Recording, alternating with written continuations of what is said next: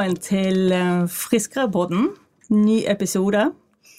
Eh, litt endringer i denne episoden, eh, som dere hører. Det er ikke Anne Marit som introduserer, det er Ingjerd. Men jeg har fått med meg en kollega, Eirin. Ja, hei, Ingjerd. Hei. Hei, Eirin. Så har vi også en gjest. Hei. Hei, Kjersti Marie Blytt. Du er forsker, og du er førsteamanuensis eh, ved Universitetet i Bergen. Ved Høgskolen på Vestlandet. Høgskolen på Vestlandet, det er viktig. Forsker ved Universitetet i Bergen og førsteamanuensis ved Høgskolen på Vestlandet. Det stemmer. Det var, det var den blandingen Ja. som ble litt komplisert. Det har jeg full forståelse for. Men du forsker på søvn. Ja, det gjør jeg. Og det eh, Vi snakket om det litt før vi begynte nå, at, at eh, vi tenker at dette med søvn er enkelt. Mm. Og når vi stiller sånne åpne spørsmål som mm, hvorfor må vi sove, og hva er søvn, så er det ganske komplisert. Det er det faktisk det. Det er jo noe som vi alle har et forhold til, på godt og vondt. Sant? Og det er noe som vi har behov for, alle mennesker og dyr trenger det. Og det er lett å tenke at det er noe som, eh, som er lett forståelig på sett og vis, men det er jo en ganske komplisert sak. Mm.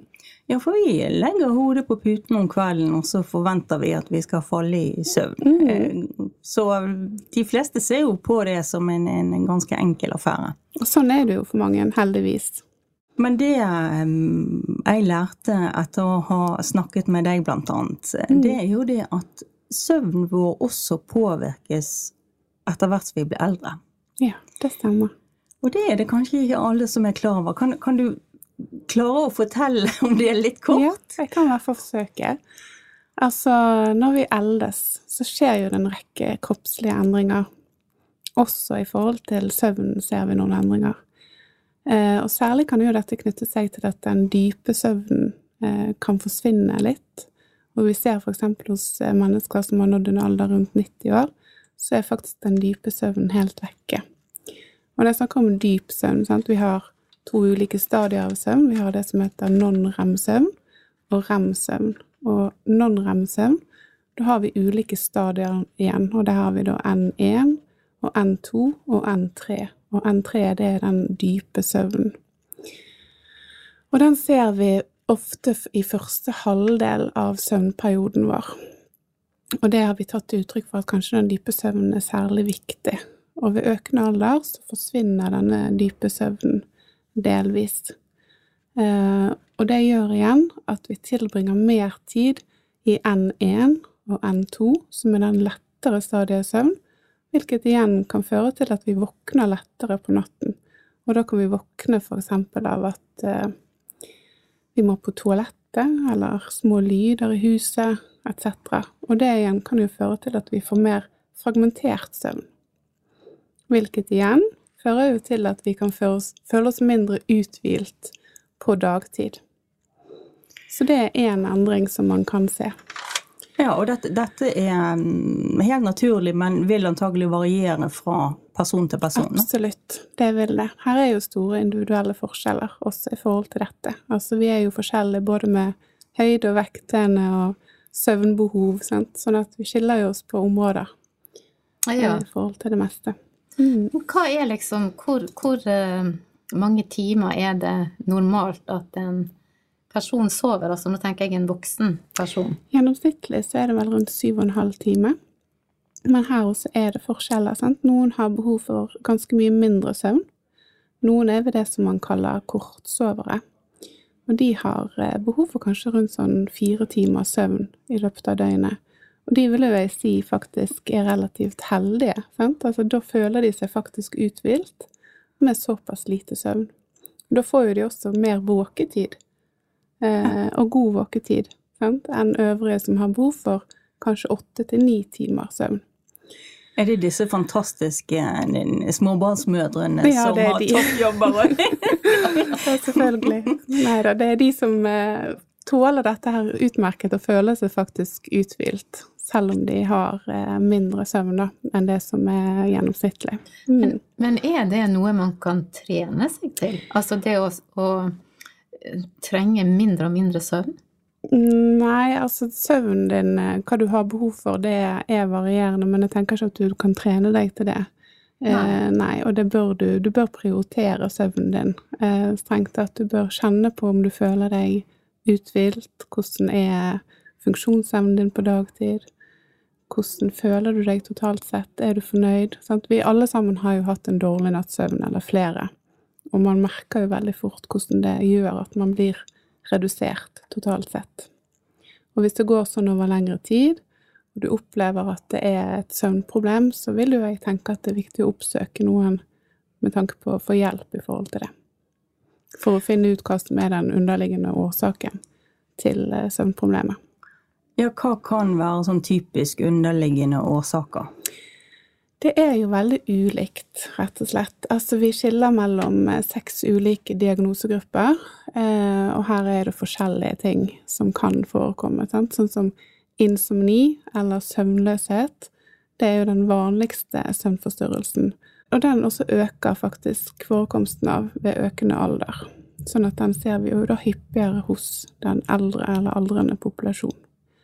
Og det er jo symptomer som at du har innsovningsvansker, og du har eh, gjerne tidlig morgenoppvåkning, og du har også en del nattlige oppvåkninger.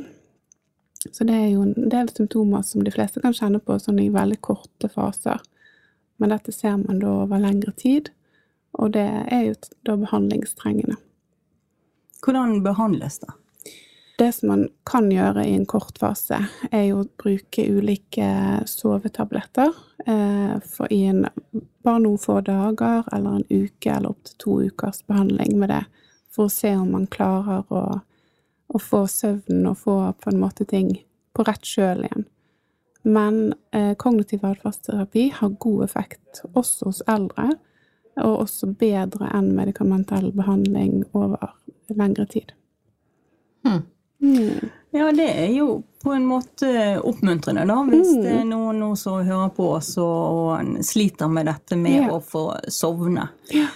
Um, og det er jo også fokus på det at um, eldre skal unngå å ta så mye sovetabletter. Mm. Fordi de har noen bivirkninger og, um, det, som gjerne ikke er så veldig heldige for eldre mennesker? Altså, i en kort periode kan det være gunstig å anvende sovemedisiner. Over tid så mister det sin effekt, og det kan også skape avhengighet.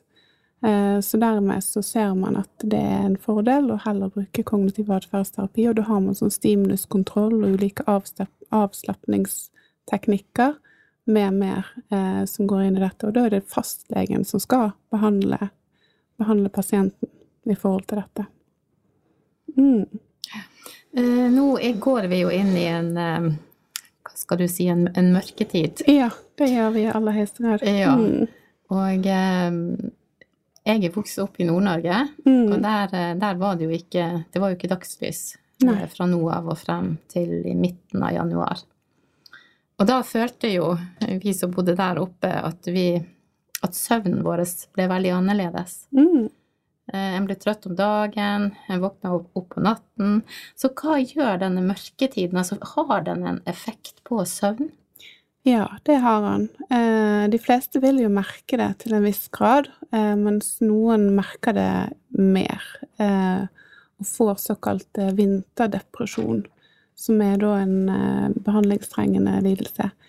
Og det behandler man med lys. Og da har man egentlig sånne spesialkonstruerte lamper som man da sitter foran, som gjerne avgir så mye som 10 000 lux eh, om morgenen. Sitter man gjerne en halvtime foran denne her om morgenen, og det vil kunne da ha en positiv effekt på de symptomene som denne mørketiden kan, eh, kan gi oss. 10 000 lux, er det omtrent som sollys? Eh? Nei, det er faktisk ganske mye mindre enn det. På en, um, en solfylt sommerdag så er det faktisk rundt 100 000 lux. Uh, så det er ganske enormt mye styrke i solen på en eh, varm, fin dag, altså. Men 10 000 lux, det gir, gir forskjell, gjør mm. effekt. Mm. Mm. Eirin, snorker du? Nei. Det gjør jeg ikke. Det, det er vel ingen som vil innrømme det? er det jeg har prestert å våkne av mine egne snork. Ja. Ja. Er det, er det normalt, Kjersti? Ja, er det det? Nei. Um, Nei, men altså, det, katten min syns at jeg er kjempeflink å male, så hun er veldig fornøyd med det. Men det med snorking, det kan jo også være noe som dukker opp med tiltagende alder. Du tenker altså på sånn eh, søvnapne, sant, når du tenker i forhold til snorking. Og Det- da er det sånn at ved søvnappe så slutter man å puste egentlig når man sover. Uh, og det er jo ikke unormalt å puste litt uregelmessig under søvn. Uh, men en pustepause som er langvarig, altså minst ti ti sekunder, og inntreffer relativt hyppig, eh, og da er det snakk om over fem ganger per time, eh, det kan ha helsemessige konsekvenser. Og det defineres derfor som sykdom. Og det finnes egentlig to forskjellige typer søvnapne. Du har det som heter obstruktiv søvnapne. For kort sier man altså OSA. eh, Og sentral søvnapne. Og denne obstruktiv søvnapne den ser man hos én av seks voksne i Norge. Eh, Og det er vanligvis også snorkere. Apropos snorking. Og snorkelyden, eh, den fremkommer ved en vibrasjon av bløtvevet i svelget, eh, som eksempel drøvel eller ganebuer. Og når vi ser at luftpassasjen blir helt stengt eh, over en liten periode, så kommer det en sånn pustestopp, eller det som heter en apné. Eh, og det kommer egentlig selv om pasienten forsøker å puste, aktivt forsøker å puste, så kommer det pustestoppet. Og da får du en periode der du ikke har eh, Altså da får du redusert oksygennivå i den perioden du har det pustestoppet. Det høres jo nesten litt skummelt ut. Ja, det kan du si. Eh, men det som skjer, er jo da at pasienten våkner. Sant? For hver gang du får et sånt pustestopp, så kan du våkne litt til. Eh, og da kan du også erfare at noen hiver etter pusten eh, i det øyeblikket når du våkner.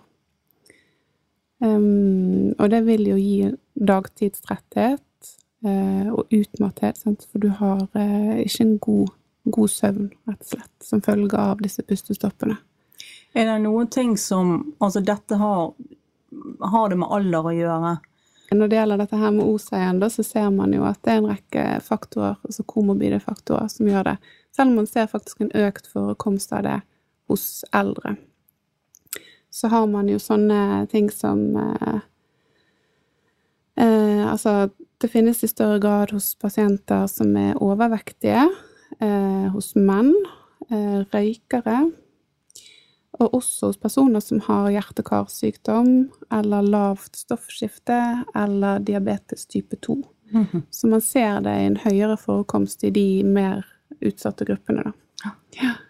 Det, Mm. ting, altså det er jo dette vi stadig har erfart når vi har vært og snakket med forskjellige fagkilder, at Mm. det, ting henger sammen. Ja, Det gjør det, Ja. faktisk. Så det er jo ofte litt sånn at hvis du har noe, så kommer det noe Mm. mer. Og jeg tenker hvis man tar søvn på alvor, altså at man sover Mm. det man skal, så kan en kanskje klare å holde seg friskere Ja, det tenker lenger. jeg. Altså, det å prioritere søvn, eh, og alltid på en måte tørre å ta, ta søvnen sin på alvor, sant, og ikke Det er mange i dag som ikke gjør det, kanskje særlig yngre. Selv om det finnes lite studier på det, så er det en del som indikerer at man kanskje ikke sover så mye som man burde. At man har en tendens til å prioritere det vekk eh, til fordel for andre aktiviteter, som mobiltelefon eller serier eller ting, og at man på en måte tenker at man kan ta det igjen, på sett og vis. Men det er veldig viktig å faktisk prioritere det. Mm. Men, men enn dette med øh, Jeg merker jo det at når jeg Nå er jeg 53, og jeg tikker jo Klokken min tikker. jeg blir eldre og eldre. Og så merker jeg jo det at eh, nå eh, kan jeg få et behov for å ta meg en ettermiddagsbrunn. Mm. Eh, er det bra? Er det dårlig i forhold til den type søvnkvalitet jeg da vil få eh, om natten? Det kommer litt an på hvordan du reagerer når du skal legge deg om kvelden. Altså er det sånn at du vil har du da, Opplever du da å få innsovningsvansker, så må man se litt på hvor lenge den ettermiddagsluren er. Eh, for da er det ofte lurt å prøve å begrense den til kanskje sånn 20 minutter før du kommer inn i denne her mer dype søvnen, da. Eh, For da får ikke du bygget opp søvnbehovet ditt, som er en av de sentrale faktorene som regulerer søvnen vår. Fordi eh, ja, atferd, vaner og sirkadiansk faktor, eller døgnrytmen vår, også homostatisk faktor, er det som regulerer søvnen vår. Og dette med homostatisk faktor er det som du peker litt på nå. Det går på rett og slett at du må bygge opp et søvnbehov. Eh, og det gjør du jo ved å være våken, sant? Mm. Så hvis du dupper og kommer for dypt ned i søvnen, så har du spist litt av det søvnbehovet Mm. ditt, sånn at når du skal legge deg, eh, så får du kanskje ikke sove like kjapt med en gang.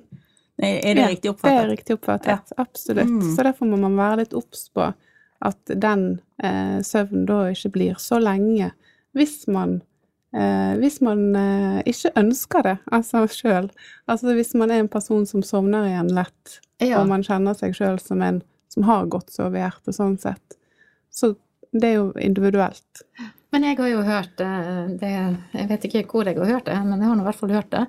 At eh, hvis en sover på ettermiddagen eller på dagen, Mm. så kan du liksom gange den tiden. Hvis jeg sover da 20 minutter, så kan jeg egentlig gange den med, med to. At jeg har sovet 40 minutter fordi at Jeg vet ikke hvor jeg har hørt det. Det er Nei, sikkert det, ikke det, noe dette, forskningsrelatert. dette er et nordnorsk sagn. Dette er antakeligvis et nordnorsk savn. Men, men det, det, som, eh, det som jeg egentlig lurer på, det er jo eh, om du sover på dagen, Mm. og du da velger å legge deg, la oss si til vanlig så legger jeg meg når klokken er 11. Hvis jeg sover en time på dagen, da kan jeg like gjerne legge meg klokken 12 om natten, og så får jeg, Jeg et uh, dekkbehov. hva, du vil frem til. Ja. Det er jo noen som uh, tenker at sånn eh, tos, tofasesoving er, er noe som vi som mennesker kan uh, ha, og som vi vil fungere best på. Eh, så der er jo man også individuelt, og det kommer jo igjen litt an på hvordan er livet ditt for øvrig. Eh, hva arbeid er du i, hva, hva andre ting er du i, som gjør at du kan regulere det på en god måte. Mm. Mm. Så det, mye handler jo egentlig om å finne ut uh, hva søvn trenger jeg for at jeg skal være uthvilt. For det, Mm. um, sånn som vi snakket om, så er det det med følelsen av å være uthvilt. Mm. Det er den som først og fremst skal styre eh, din egen søvn. Mm. Istedenfor å telle antall timer og legge Mm. seg da og da. Um, og så var vi jo inne på dette at noen begynner å forskyve døgnrytmen sin. Ja, det stemmer. Um, sånn at um, de sovner tidligere, legger seg tidligere og våkner opp mye tidligere. Ja, det ser man hos eh, eldre, at det er en eh, av disse døgnrytmeforstyrrelsene. Sant? Og det er også en av disse diagnosegruppene. Og da får man det som heter sånn fremskyndet søvnfasesyndrom, hvilket innebærer at man gjerne sovner eh, gjerne i åtte-ni-tiden. Så våkner man opp igjen i tre-fire-tiden på natten. Og det er jo kanskje ikke et kjempestort problem hvis du er pensjonist og du på en måte kan eh, ha det sånn. Rett og slett det er ikke noen forventning om at du skal være et sted, eller Ja. Men det er jo litt greit å kunne tilpasse seg samfunnet og kunne ta del i de aktivitetene som er på kveldstid. Mm. Det er det jo, for vi har jo det som du sier, samfunnet er jo innrettet etter, etter en døgnrytme. Mm. Så begynner du å flytte veldig mye på det, så, så kan du jo risikere å bli litt asosial. Mm. Og vi vet jo det at hvis du ikke er sosial, hvis du eh, blir ensom, så kan jo Mm. det også ha noen uheldige virkninger på livet ditt. Ja, så jeg tenker at det er noe som er viktig å ta tak i. Mm. Altså, vi blir alle mer og mer A-mennesker etter hvert som vi blir eldre. Men dette med sånn eh, framskyndet søvnfasesyndrom, det er jo en veldig uttalt og relativt sjeldent syndrom. Men det kan jo også behandles da med lys. Mm. Men det er jo da viktig å være bevisst på at det faktisk kan det. Ja. Men enn en dette med I dag så er det jo veldig mange som har med seg mobiltelefonen inn på soverommet, og den ligger på nattbordet. Mm. Vil det, har det noe innvirkning? Altså det at han får, ikke det at du ligger og ser på han, men det at han ligger der. Vil det ha noen innvirkning på Altså du tenker på at han fysisk bare ligger der. Ja. Eh, det er jo et godt spørsmål. Det er ikke sånn i utgangspunktet, med mindre det er noe som stresser deg, eller det er noe du forventer, eller det er noe som gjør at du på en eller annen måte blir opptatt av at du skal sjekke mobilen, tenker jeg. Mm. Men hvis du Ja. tenkte på lyset eh, fra han, hvis du ligger og ser på han like før eh, før du skal legge deg og sånn, så er jo det sånn at alt lys fungerer jo aktiverende. Sant? Og det gjelder jo også hvis du går på badet i løpet av natten sant? for å gå på toalettet, eller det er litt lys fra korridoren. Sant? Alt lys vil jo virke aktiverende. Mm. Eh, men Kjersti, kan du sånn avslutningsvis gi noen gode råd til de som uh, ligger og vrir seg i sengen om uh, kvelden og ikke får sove?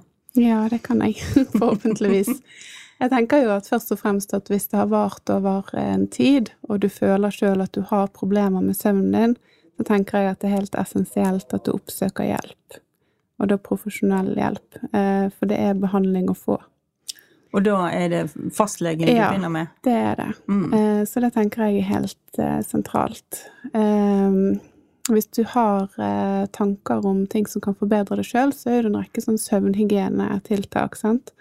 Eh, altså at du tilbringer den tiden du har tenkt å sove eh, i sengen, og at du ikke bruker soverommet til noe annet enn å være der når du skal sove ikke bruker å sitte i sengen til å jobbe eller se film eller etc. Sant? At du prøver å assosiere sengen din med søvn.